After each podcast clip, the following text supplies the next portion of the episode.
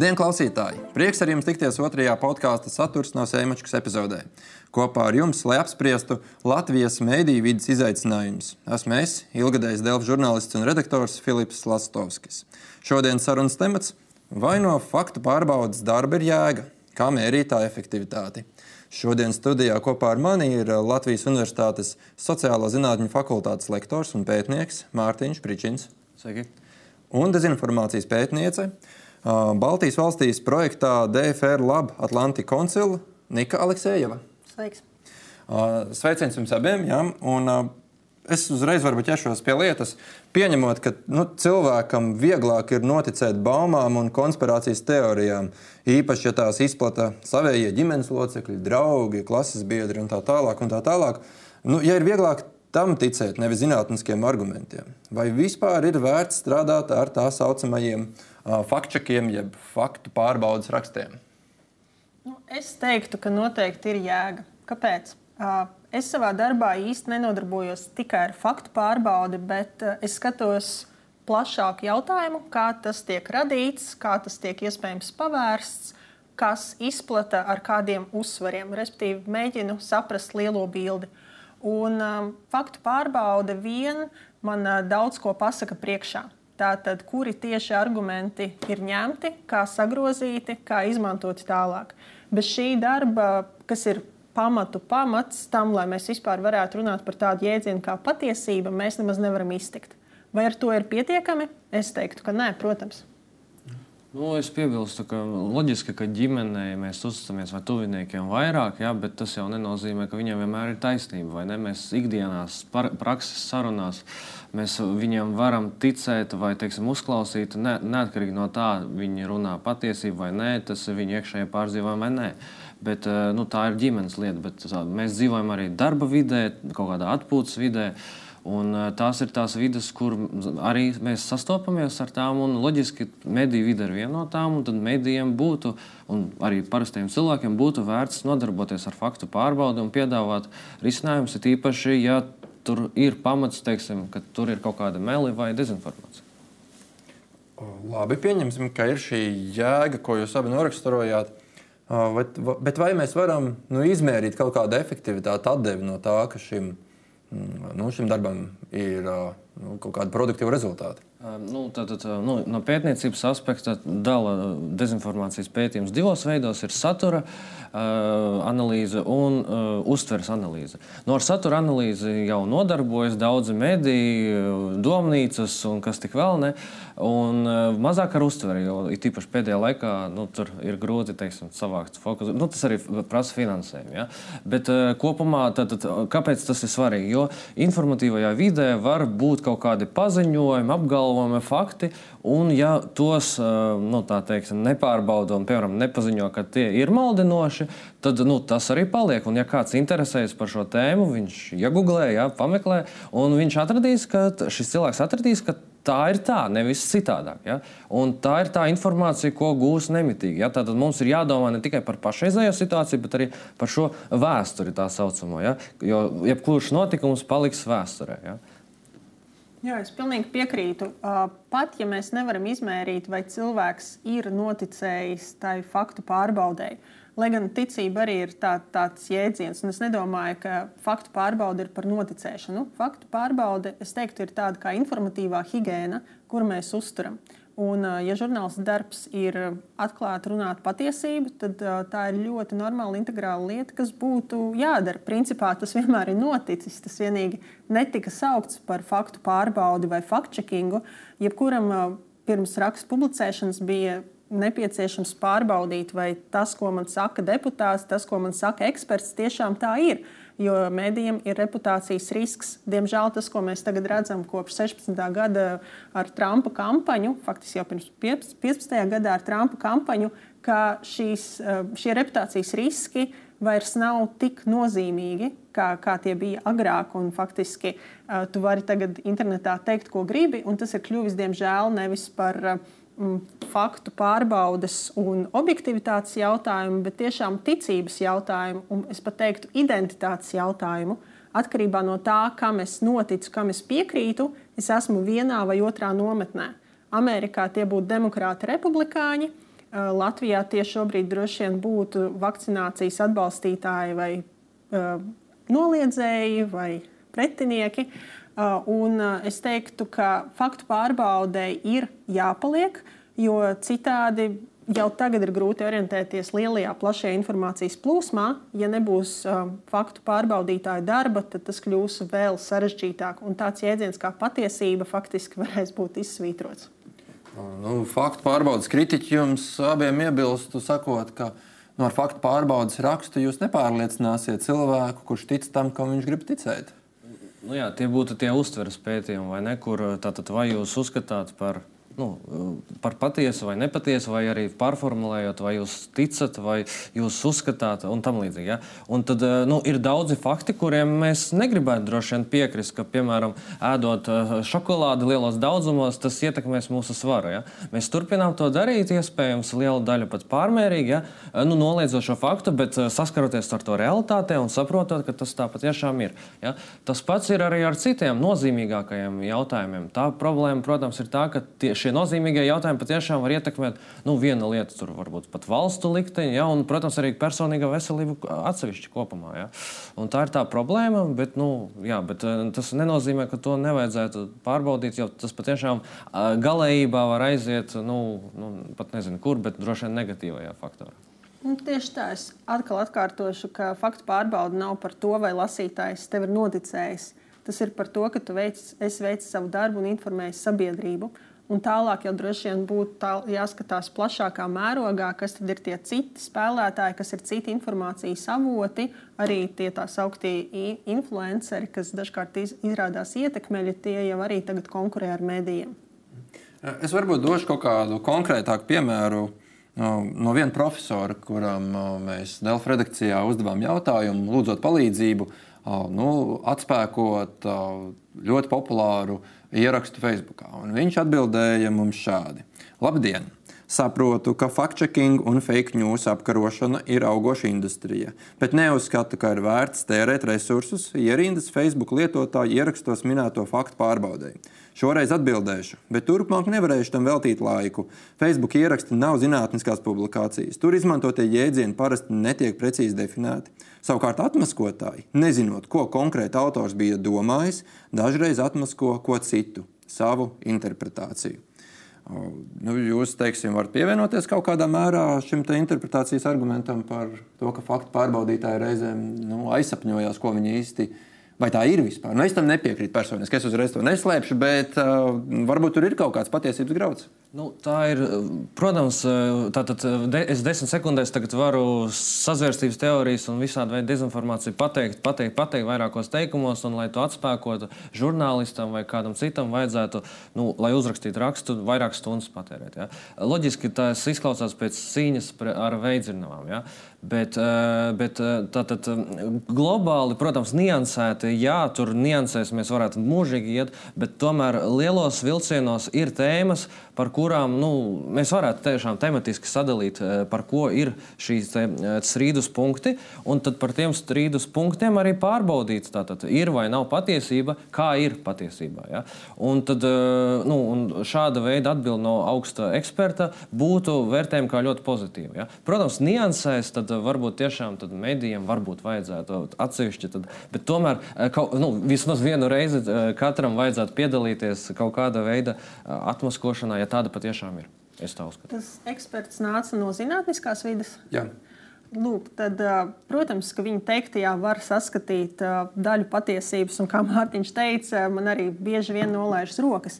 Taču es teiktu, ka Latvijas un ne tikai Latvijas zinātniskajās aprindās tiek ignorēta tāda lieta kā zinātnes komunikācija. Tātad zinātne pētnieku starpā bieži vien ir tas, kas ir nopublicēts žurnālā. Tātad to ir pārbaudījuši vairāk, ir veikta metaanalīze, un tad uz tā pamata tālāk tiek veidota šī akadēmiskā diskusija. Respektīvi, veidojās kā tāds akadēmiskais burbulis. Un es šajā atbildē tiešām saklausu, ka cilvēks nāk no šī tā sauktā akadēmiskā burbuļa. Tātad tas, ko cilvēks parastais ierakstīs Facebook, ir sasniedzis ļoti lielu auditoriju. Tas neskaitās, jo tas nav nekur nopublicēts, pierādīts akadēmiskajā žurnālā. Tas neietekmē manu darbu. Kāpēc man par to uztraukties? Lūk, tāpēc uh, es principā mudinātu ekspertus. Uh, domāt vairāk par zinātnes komunikāciju, kas, manuprāt, Covid krīze ir parādījusi, ka tā ir ļoti, ļoti, ļoti liela nozīme. Un tas nav kaut kas tāds izvēles jautājums, vai, vai es gribu būt populārs vai nē, vai es vēlos teikt, piedalīties raidījumos un kļūt populārs vai, vai nē ar saviem pētījumiem. Tas tiešām ir ļoti svarīgi, jo tieši komunikācijas trūkums Covid krīzē krīzes sākumā, vidū un arī tad, kad parādījās vakcīnas, bija atsevišķas sejas. Mēs varam nosaukt Ugu Dumpi, mēs varam no, nosaukt Dāci Zavacku, kur mēs redzam un kuru teiktais jau tiek tik ļoti bieži izmantots un arī, tu teici, atspēkots. Nu, tā tad vai, vai ir jēga, ka atspēkot jau var arī ne īpaši korekti, kā min uh, eksperts, ka nu, bieži vien arī tie paši dezinformatori atspēko kaut ko, ko ir teikuši eksperti, kas tomēr tam ir veltījuši ilgu laiku. Un, um, bet, bet vairāk zinātniekiem ir jānāk, un, uh, diemžēl, diemžēl šobrīd uh, mēs redzam, ka tas vilciens nedaudz ir aizgājis. Ka, mm, diemžēl dezinformatori ir spējuši pārliecināt teikt, savu ierindas auditoriju, uh, par to, ka ekspertiem uzticēties nav jēgas. Un, ja šī komunikācija būtu saulēcīgāka, ja eksperti vairāk un aktīvāk atbildētu un runātu ar sabiedrību, dalītos ar pētījumiem, atrastu veidus, kā savu pētījumu rezultātus pasniegt saprotamāk, iespējams, mēs nebūtu ar Covid-19 dezinformācijas, tā teikt, infodēmijas krīzi tik tālu. Es papildinātu vēl. Nu, protams, ikdienā arī saskaroties ar zinātniekiem, nu, trūkst arī laika un finansējuma. Zinātnē vajag naudu, zinātnē vajag finansējumu. Par to, protams, ik ilgu laiku jau tiek runāts, bet nu, nepietiekami. Zinātnes komunikācija arī kopumā ir nu, ar tādām nu, zemām tradīcijām, piemēram, populāra zinātniskā formātā. Mums ir tikai daži žurnāli, kas tiek tulkoti ārzemju valodā, no ārzemju valodas. Un, uh, ar to ir problēma un, protams, tas e, prasa ilgtermiņa risinājums, nu, ieguldījums ir īpaši. Un šos ieguldījuma augļus mēs visticamāk neredzēsim uzreiz, bet pēc gadiem, pieciem, varbūt desmit. Ja? Bet tas nenozīmē, ka nu, mums nevajadzētu par to domāt. Vienīgā problēma, protams, ka mēs daudzas lietas nu, saprotam, ka tā ir problēma tikai tad, kad mēs saskaramies ar šo problēmu. Proti, proti tu domā, ja zinātnē ieguldīs vairāk naudas nu, ieguldīs vairāk naudas, tad viņi arī zinātnieki vairāk palīdzēs mēdījiem ar šiem komentāriem. Nu, e, provokatīvi, jā. Es, e, nu, pagājušo gadu, piemēram, šis te, kur bija šie slavenie salātu un tam līdzīgas tās formulas, ja, e, nu, tur bija diezgan traki ar to, piemēram, kā tika veidos pieteikums. Tur bija dažās dienās jāuzraksta milzīgs pieteikums un tam līdzīgi. To nav iespējams izdarīt kvalitatīvi. Ja. Līdz ar to ir jādomā par kvalitāti. Ja. Nu, vienkārši iegūst naudu nu, tas arī nav prātīgi. Labi, papildinot to, kā profesori šajā gadījumā, mēs pirmais cilvēks bija profesors, un es nosaukšu vēl vienu profesoru, atbildīja konkrēti man. Tas bija pirms pāris nedēļām. Es arī viņam lūdzu savu ekspertīzi, atspēkojot kādu ar Covid-19 saistītu dezinformācijas ierakstu Facebook, kuram bija ap 2000 šēru, kas Latvijas mērogam, manuprāt, ir daudz. Un viņš atbildēja, ka jā, labprāt jums palīdzēšu, izstāstīšu, taču tagad jau paliek bail. Uh, saņemu komentārus, draudus, nejūtos droši, piekritīšu tikai anonīmi. Vai jūsu kā pētnieku redzeslokā tas drošības līmenis par nu, profesoru, ekspertu, pētnieku vidū, kur ir šie ekspertīzes palīdzētāji, kuri var sniegt šo ekspertīzi, ir, nu, tā drošība ir nu, neapmierinoša un kaut kādā veidā šobrīd sācināta? Nu jā, mums ir uh, arvien lielāka laikam, polarizācija, un mēs politiskās diskusijas kultūra arī pirms tam bijusi zemā līmenī. Ja mēs paskatāmies jebkuru diskusijas pēdējo Jāņa Dombora, piemēram, tās diskusijas, nu, tur arī nebija diezgan laba šī doma apmaiņa. Tur bija diezgan, nu, tie, kas redzēja, tie saprot, par ko es runāju. Ja? Līdz ar to, uh, protams, ja ir kāds pretējs, nu, tātad, ja jūs esat cilvēks ar pretēju viedokli un jūs esat jums apkārt ir šie citi, citādāk domājoši.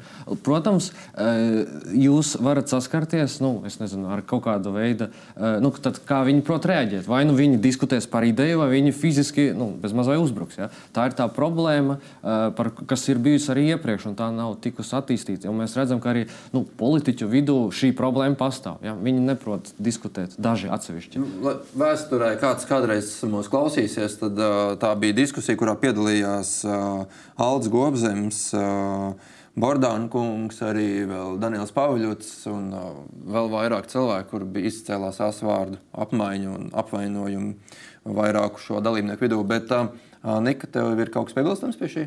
Es nevaru īsti komentēt šī, tieši, kā, kāda ir šī drošības situācija, bet uh, ir diemžēl par normu kļuvis tas, ka cilvēki, kas veic faktu pārbaudas darbu vai arī sadarbojās ar faktu pārbaudītājiem, saņem draudus no tā sauktiem troļļiem. Un tas citās valstīs, kur dezinformācija bija problēma, jau teiktu, kopš 14. gada, kā Ukrainā, vai kopš 16. gada, kā ASV, ir ļoti normāli, ka faktu pārbaudītāji, pētnieciskie žurnālisti saņem troļļu uzbrukumus. Um, tajā manā burbulī, kas strādā ar šīm tēmām, skaitās pat tāds kā, nu, tāds kā bečs vai, vai atzinības tā, tāds žetons, ja tev ir uzbrucis trolis. Um, Jums abiem ir uzbrukuši, piedod, kad pārtrauc. Nu, tā kā ir draudējuši Facebook vai kādā citā formātā. Man um, īsti tā līdz nāves draudiem nekad nav nonācis, bet, protams, ka cilvēki ir um, teikuši, kāpēc es vispār atveru muti, ka manī tik un tā taču neviens neklausās un ka es runāju tikai melus. Tā, protams, ir bijis. Man, nē, man iepriekš, uh, kad es uh, strādāju, nu, praksē bija žurnālā, ir par politiskajām tēmām rakstīju, tostarp arī par kritiku, un tad komentāros tur bija troļļošana un visāda veida aprunāšana un vēl konkrēti pret autoru vērstu.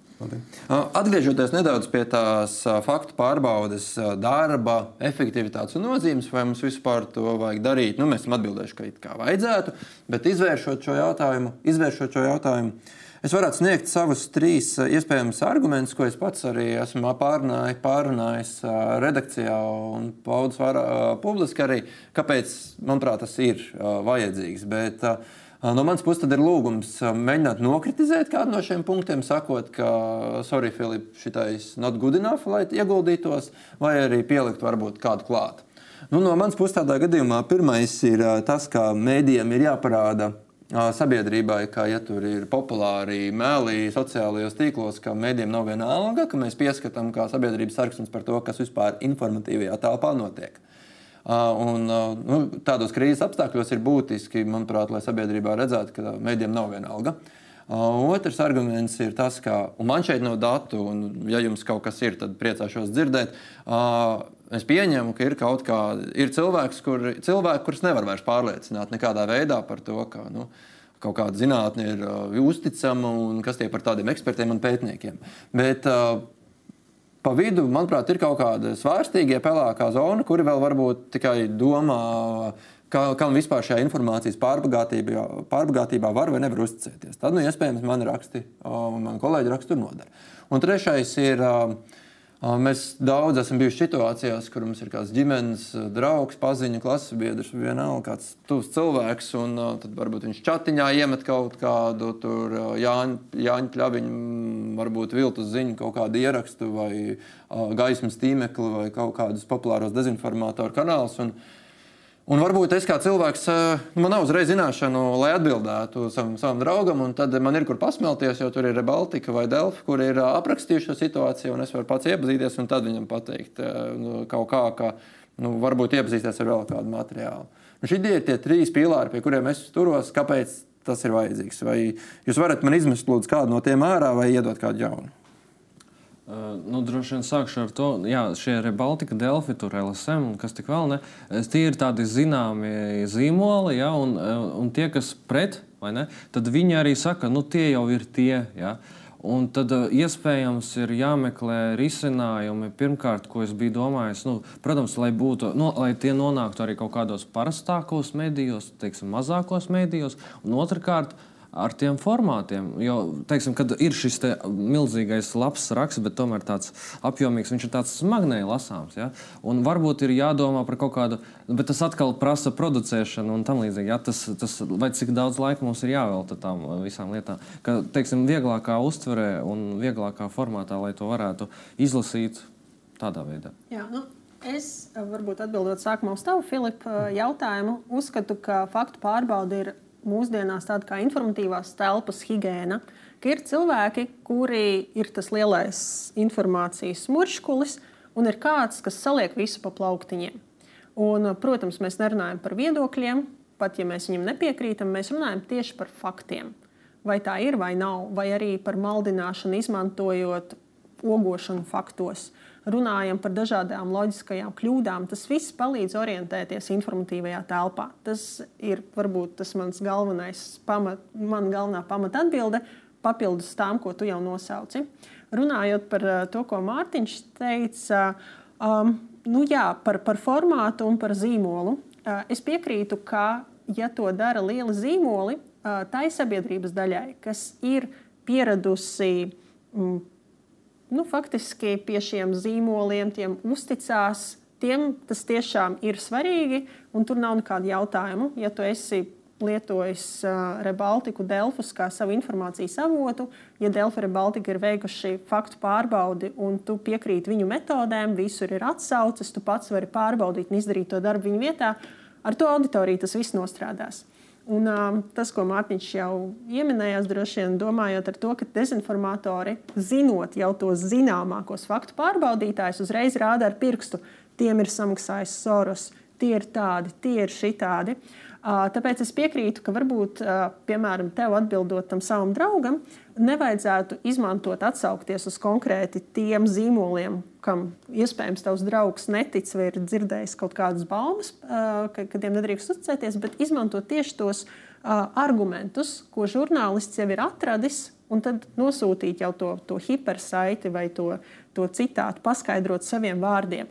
Un, uh, es piekrītu Mārķim, ka iespējams būtu jāiet prom no tāda kā zīmolu, uh, spamošanām, nu, kurš ir teicis, vai Delfi ir rakstījuši, vai Baltika ir rakstījuši, vai Pļaviņš ir rakstījis, vai kas, bet tieši runāt par, par, par pašiem tiem jautājumiem un nesākt ar to maldinošo daļu, bet sākt ar apgalvojumu.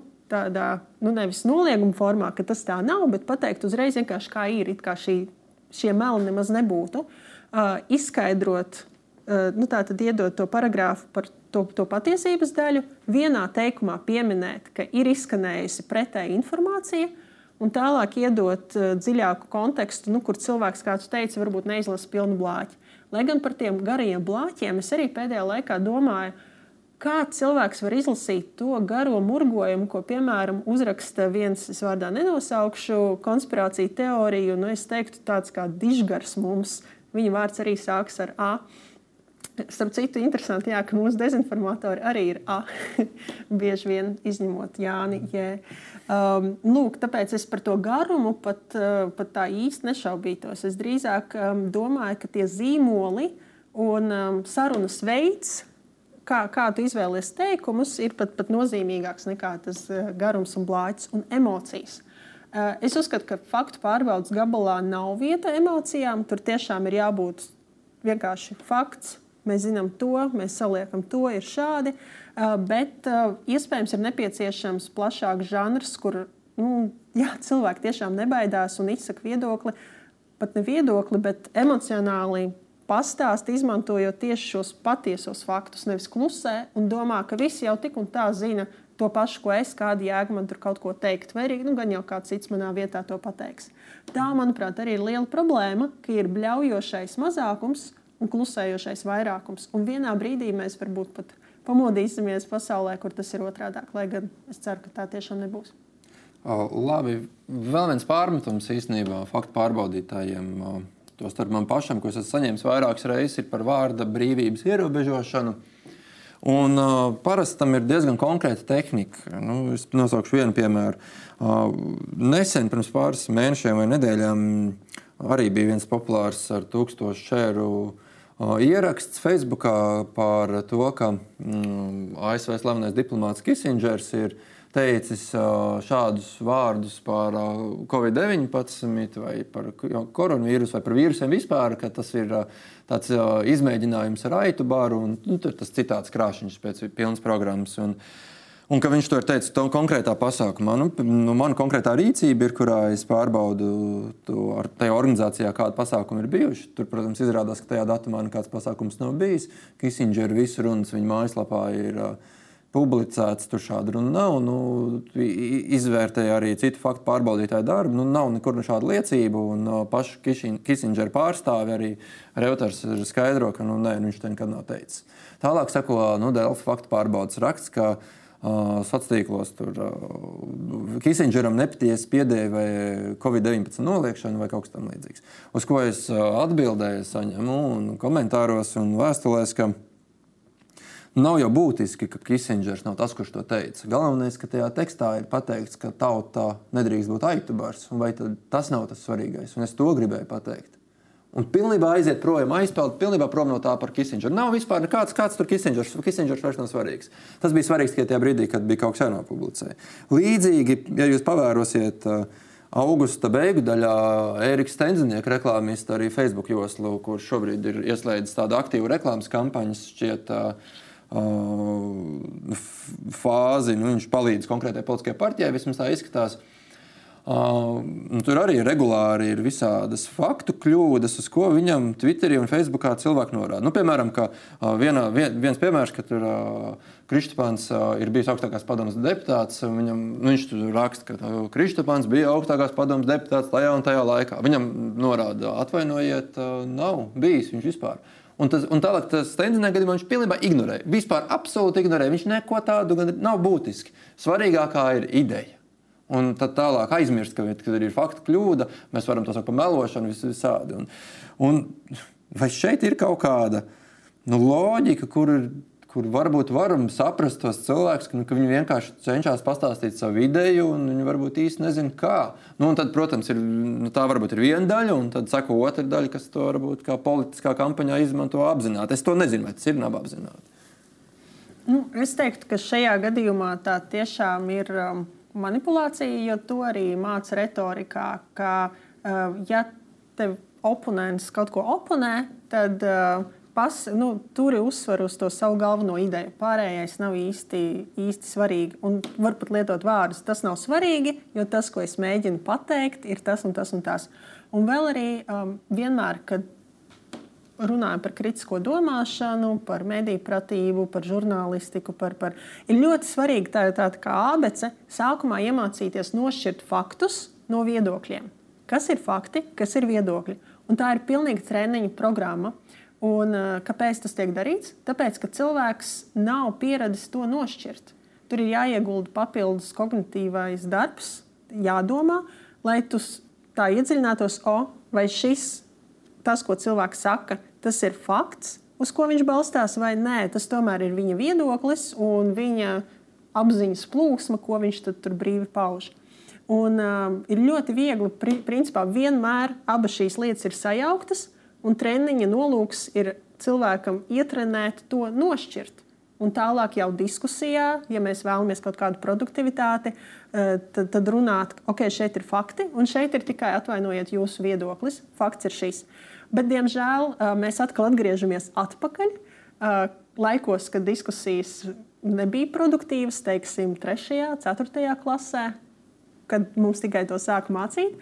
Mēs atgriežamies atpakaļ tajā līmenī, kur, nu, principā, var tiešām iztēloties tādu kā skolēnu bļaustīšanos, kur uzvar skaļākais vai uzvar nekaunīgākais. Un, diemžēl, uh, Tagad tas publiskais diskurss, es pat teiktu, jā, ir tādā kā sākuma skolas, pamatskolas līmenī. Tas neatgriež mūs pie jautājuma par to, vai vispār ir jēga. Ar ir jēga. Tad, ir tomēr, jēga. Neskatoties uz visu šo, ir jāturpina. Protams, ir jāturpina. Un, uh, ir jāmācās uh, arī no šiem dezinformatoriem. Ir jāskatās, ar kādiem paņēmieniem viņi manipulē ar faktu pārbaudītāju darbu. Uh, attiecīgi jāpielāgojas. Un, nu, es uzskatu, ka tā ir normāla evolūcija. Mūsu tādas kā saziņas, attiecību veidošanas evolūcijas daļa. Divas lietas. Pirmā, man uzreiz prātā ienāca par tādiem piemēriem.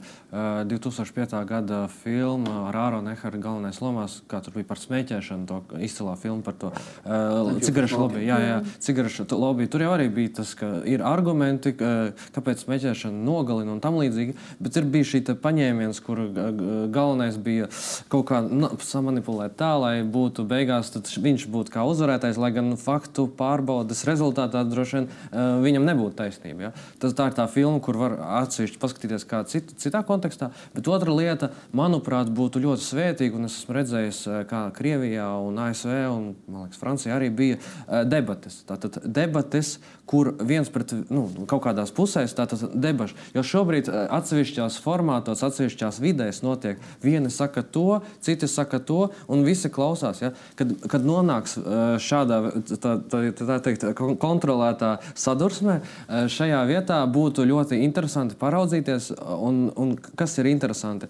Šie, kas eh, parasti ir pret eh, šiem faktčekeriem, viņi, viņi, kā, viņi ir diezgan sagatavoti, kad viņiem piedāvā šos faktus. Ja, viņi piedāvā vēl kaut kādus avotus, un tie, kas uh, cenšas teikt, palīdzēt un atmaskot, tad viņi visbiežāk arī nu, viņi nezina uz priekšu. Šie jau zina uz priekšu, kas būs. Nu, viņi ir sagatavoti, un iespējams, viņiem ir kaut kāda vēl papildu mērķa. Ja? Bet šie tāda labāka sagatavošanās, bet ja tas būtu debašu formātā, man tāda ideja vienkārši ienāca prātā. Tur uzreiz būtu labāk redzama teiksim, šo te argumentu vājums un sapratne, kas ir fakts, kas ir viedoklis, kas ir tikai ideja. Jā, vēl es gribēju piebilst, ka ir eh, divas lietas, kuras mēs bieži jaucam. Ir diskusija un ir debate. Debatē tev ir jāuzvar argumentu cīņā. Diskusijā abas puses vēlas atrast kopsaucēju un nonākt pie kaut kādas patiesības. Un tas, ko mēs bieži saucam par diskusiju, faktiski ir debate. Un debatē, principā, pašos pamatos jau māca atpazīt nekorektu argumentāciju, kur, piemēram, tu paņem argumentu, tu pārtaisi, un tas saucās par putnu biedēkļu paņēmienu. Viņi pārtaisi par tādu kā putnu viedokli, putnu biedēkli, pasaki, lūk, mans oponents apgalvā, apgalvo šo, nosauc šo putnu biedēkļu argumentu un pasaki, tāpēc viņam nav taisnība, vai arī vienkārši uzbrūk personībām. Tā viss ir ABC. Manuprāt, ir septiņas šīs loģikas kļūdas, kuras mēs varam atpazīt eh, droši vien šī, šī reklāmas speciālista Twitter lentā. Runājot par kļūdām, kļūdās ne tikai nu, cilvēki, kuri jauc faktus vai izdomā faktus. Reizēm nu, kļūdās arī faktu pārbaudītāji. Tas ir visā pasaulē. Un viens no šiem populārākiem piemēriem, kas ir pēdējā laikā izskanējis, ir par koron, jaunā koronavīrusa izcelsmi. Nu, mēs sākumā tomēr visi ļoti pārliecinoši visā pasaulē runājām par to, ka vīrusu izcelsme ir šī, no šī mm, nu, dabiskā ceļā radusies. Un ka šī te laboratorijas teorija tika absolūti noraidīta. Tur nebija arī ASV izlūkdienas pret to liecināja. Un, savukārt tagad, kad ir pagājis vairāk kā gads, nu, mēs redzam, ka, ka, ka, ka ASV prezidents Joe Bidenis uh, atklājis, ka amerikāņu izlūkdienestiem šobrīd nav pietiekami daudz informācijas, lai teoriju par vīrusu dabisku pārnesi no dzīvnieku uz cilvēku uzskatītu par ticamāku nekā iespējamo vīrusu noplūdu no laboratorijas. Un, un kur man tagad likties, ja labākie cilvēki, kas var strādāt ar šo informācijas pārbaudīšanu, arī iespējams sākotnēji ir kļūdījušies? Es teiktu, ka tā nav faktu pārbaudas kļūda. Tā ir normāla vēsturisku notikumu attīstība. Tajā brīdī ar to zināšanu daudzumu, to pieeju informācijai, jo Ķīna jau ielaida pētniekus tikai um, nu, nesen, tas bija maijā, laikam, jūnijā, kaut kad tad. Tikai tad uh, jau varēja kaut par, par to runāt. Tobrīd mēs nezinājām. Tobrīd tās visas bija spekulācijas. Tā ir skaitā par to, ka tas ir bioloģiskais ierocis. Tātad kāds šo vīrusu ir ne tikai palaidis tautās, bet arī radījis un palaidis. Kas, protams, eh, ir absurdi, jo parasti, kad tu uzbrūc kādam, tu pats vēlies būt pasargāts, bet šis vīrus ir skāris visus. Turklāt, tobrīd, lai runātu par bioloģisko ieroci, bija uh, zinātnieki izpētījuši šo pašu vīrusu, un tajā nebija pēdu, kas parasti paliek, ja tas ir mākslīgi sintēzēts, izveidots vīrus. Tāpēc šī bioloģiskā ieroča teorija vēl joprojām es nu, nekad šobrīd arī ar to pieejamo informāciju, kas mums ir, es to vienalga norakstu uz pilnīgiem meliem par bioloģisko ieroci, par to, no kurienes tieši tas vīrus sākās. Mēs to vienkārši nezinām. Un mēs nevaram pateikt, vai tā ir laboratorija, tāpat kā mēs joprojām nevaram pateikt, vai tā bija uh, pārnese no dzīvnieku uz cilvēku. Vēl joprojām mēs to nezinām, un faktu pārbaudītāji nav kļūdījušies. To pašu var teikt par masku obligātumu, ka, kad pandēmija sākās, tās nebija obligātas, pēc tam kļuva. To pašu var teikt par vakcināciju, ko tagad sauc par obligātu. Un, protams, ir jautājums, ko mēs saucam par obligātumu, ko nē, kas, cik tālu ir izvēle, cik nē. Bet faktu pārbaude, tas ir um, dezinformatori, to bieži izmanto, ka lūk, mūs apvainoja par melošanu, ka, maska, ka vakcinācija nebūs obligāta, bet lūk, redzat, tagad tā ir.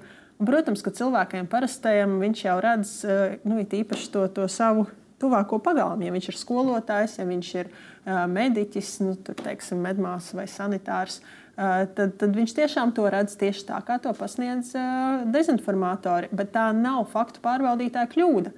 Cilvēks, kurš saprot un ir strādājis ar informāciju, saprot, ka katrā laika nogriezienī ir tā informācija, ar ko mēs operējam, un arī spēj pateikt lietas, ko mēs zinām, ko mēs zinām, ka mēs nezinām, un ka ir arī lietas, kuras mēs nezinām, ka mēs nezinām. Un, uh, tur ir tā problēma. Nu jā, es tikai piebilstu to, ka teiksim, arī ikdienā, kad cilvēki runā viens ar otru, reti kurš atceras, teiksim, kur, kur ir izlasījis šādu vai citu veidu informāciju. Es bieži tur jautāju tur, tuviniekiem, draugiem, un viņi kaut kur, ja, viņi neatceras šos avotus, un šie avoti ir svarīgi. Ja? Tīpaši ikdienas sarunās, bet arī nu, droši vien medijiem, nu, lai arī saprastu. Bet šis, protams, ir ļoti sarežģīts jautājums. Tur piekļuve ir ļoti reti kuram, ne, lai saprastu, kas ir izcelsme. Bet um, es par kopumu, šo informatīvo kopumu ka nu, jā, tad, tā avots arī izvēle ikdienā, arī argumentējot, debatējot, tas ir arī svarīgi. Mhm. Vai tas mums, nu, saprotot, ko jūs arī tikko teicāt, vai mums tomēr nav kaut kāds jautājums arī par to, ka, kurš pārbaudīs faktu pārbaudītājus? Es domāju, ka tas jau notiek. Jo dezinformatori, kad viņus vaino dezinformācijā, viņi ļoti skrupulozi lasa un, un, un norāda, kur, kur viņš ir pārprasts, kur kaut kas ir citādi nolasīts, nekā cilvēks ir domājis. Viņi jau faktiski veic šo pārbaudi, bet, protams, savās interesēs. Un es domāju, ka tiklīdz uh, plaši izskanēs kāda faktu pārbaude, kura būs tiešām pierādīta nepatiesa, tas arī nepaliks nepamanīts. Um, tāpēc uh, es domāju, ka tas jau pats tieši sistēmā ir, jo, jo ir šīs pretēji ieinteresētās puses. Viena, kas izplata dezinformāciju, otra, kas cenšas pārbaudīt un izšķirot, kas no teiktā ir viedoklis, kas ir fakts, un no faktiem, kas ir pareizs, kas ir nepareizs. Un, ja kaut kur ir bijusi kļūda, protams, tas nu, faktu pārbaudītājs. Šis, šis nav, nebija piemērs, ka faktu pārbaudītājs kļūdās, bet dažkārt faktu pārbaudītāji kļūdās, ir nekritiski, varbūt arī pret avotiem, ir īpaši runājot par citām valstīm. Tas, tas, tas viss var notikt. Es domāju, ka tas jau principā notiek, bet organizācijas, kas speciāli pārbauda faktu pārbaudītājus, manuprāt, ir liekas. Es teiktu, ka katru dienu šos faktu pārbaudītājus pārbauda auditorija. Viņi lasa vai ne tāpat kā jebkuras medijas, un tad viņi reaģē. Droši vien saku, komentējot, arī varbūt rakstot redakcijā, kam piekrīt vai redz, vai teiksim, ir lasījuši avotu un lūk, ir citādāk. Ja? Tad, eh, nu, jā, tas, protams, atkal aizņem laiku, bet uh, žurnālists vai šis faktu pārbaudītājs var reaģēt uz to arī.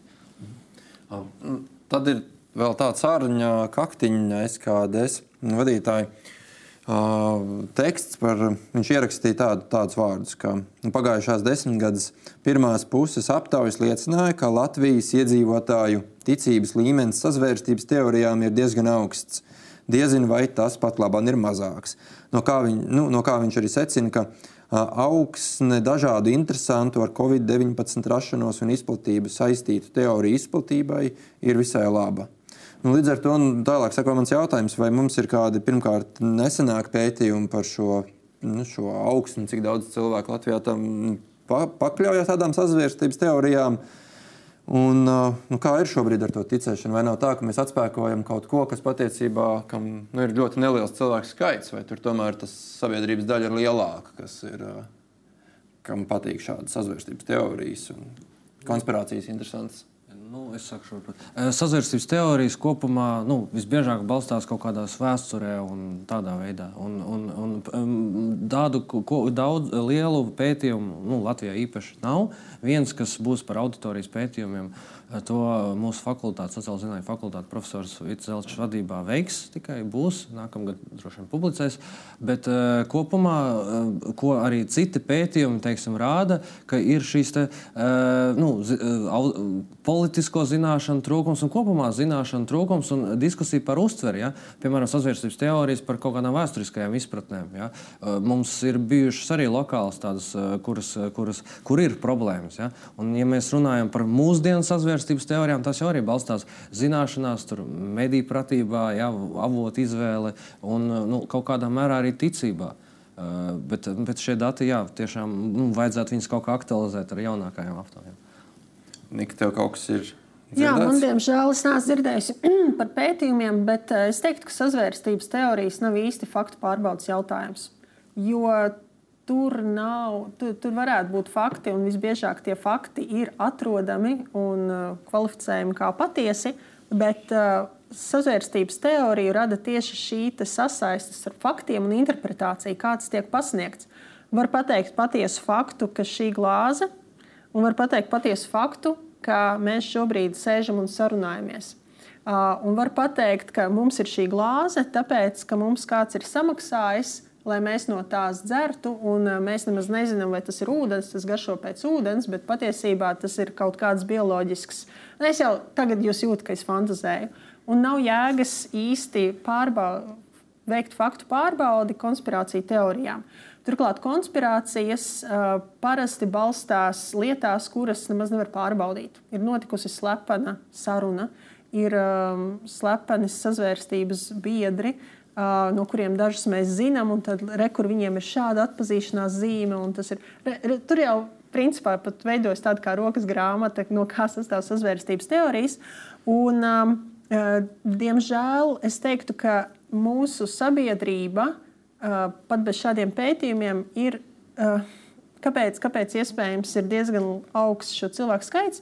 Jo mūsu politiskā vide arī ir kultivējusi sazvērstības teorijas, kaut vai par to pašu Džordžu Sorosu. Uh, o, šis ir sorosīts, šim soros ir piezvanījis. Tas jau tiek uztverts par tādu kā joku. Eh, dažiem citiem tas, tas tiešām liekas nu, ļoti, ka tā ir, ka tā tiešām ir. Un tas nav tikai Latvijā.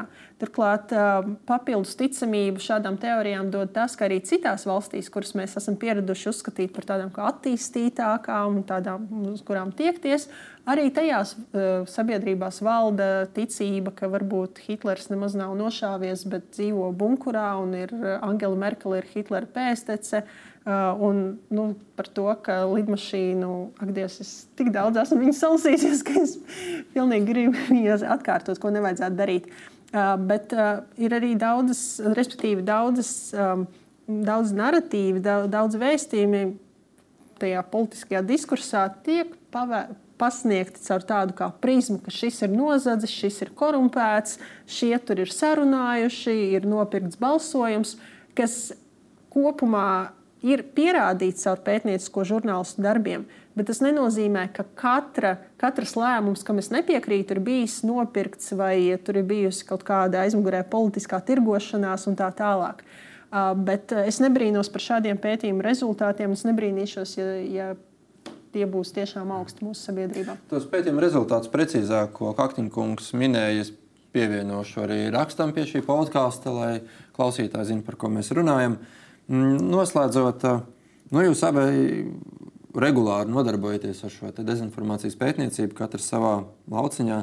Varbūt jūs varat ieteikt klausītājiem kādu nezinu, grāmatu, vai autoru, vai filmu, ko jūs ieteiktu paklausīties, paskatīties, lai nu, apdeitotos, kas vispār jauns šajā jautājumā ir, un, un, un kur var pasakot kaut kādu jaunu informāciju, iegūt par gan par dezinformācijas izplatīšanos, gan par uh, viltu ziņām, gan par to atspēkošanu. Ir uh, Netflixā filma poļu. Es tagad aizmirsu tās nosaukumu, es nosūtīšu, droši vien arī būs pievienot rakstam. Tajā ir stāsts par um, jaunieti, uh, kurš uh, sadusmojās uz sabiedrību Un uh, to dezinformēja līdz tādam brīdim, kad nu, tika nošauts cilvēks. Um, manuprāt, tā, šī filma, pēc tam aktieris, kurš spēlēja galveno lomu, arī uz ielas viņam uzbruka. Uh, tur ir tieši šis stāsts, ka sabiedrība tika uh, radikalizēta uh, pret šo konkrēto politisko līderi spēku, un tas līderis šai partijai arī tika nošauts. Un, uh, tas viss bija tāpēc, ka šis radikālais cilvēks uh, nu, patērēja dezinformāciju. Šī filma būtu kā uh, nu, iedvesma tam, kur mēs negribētu nonākt.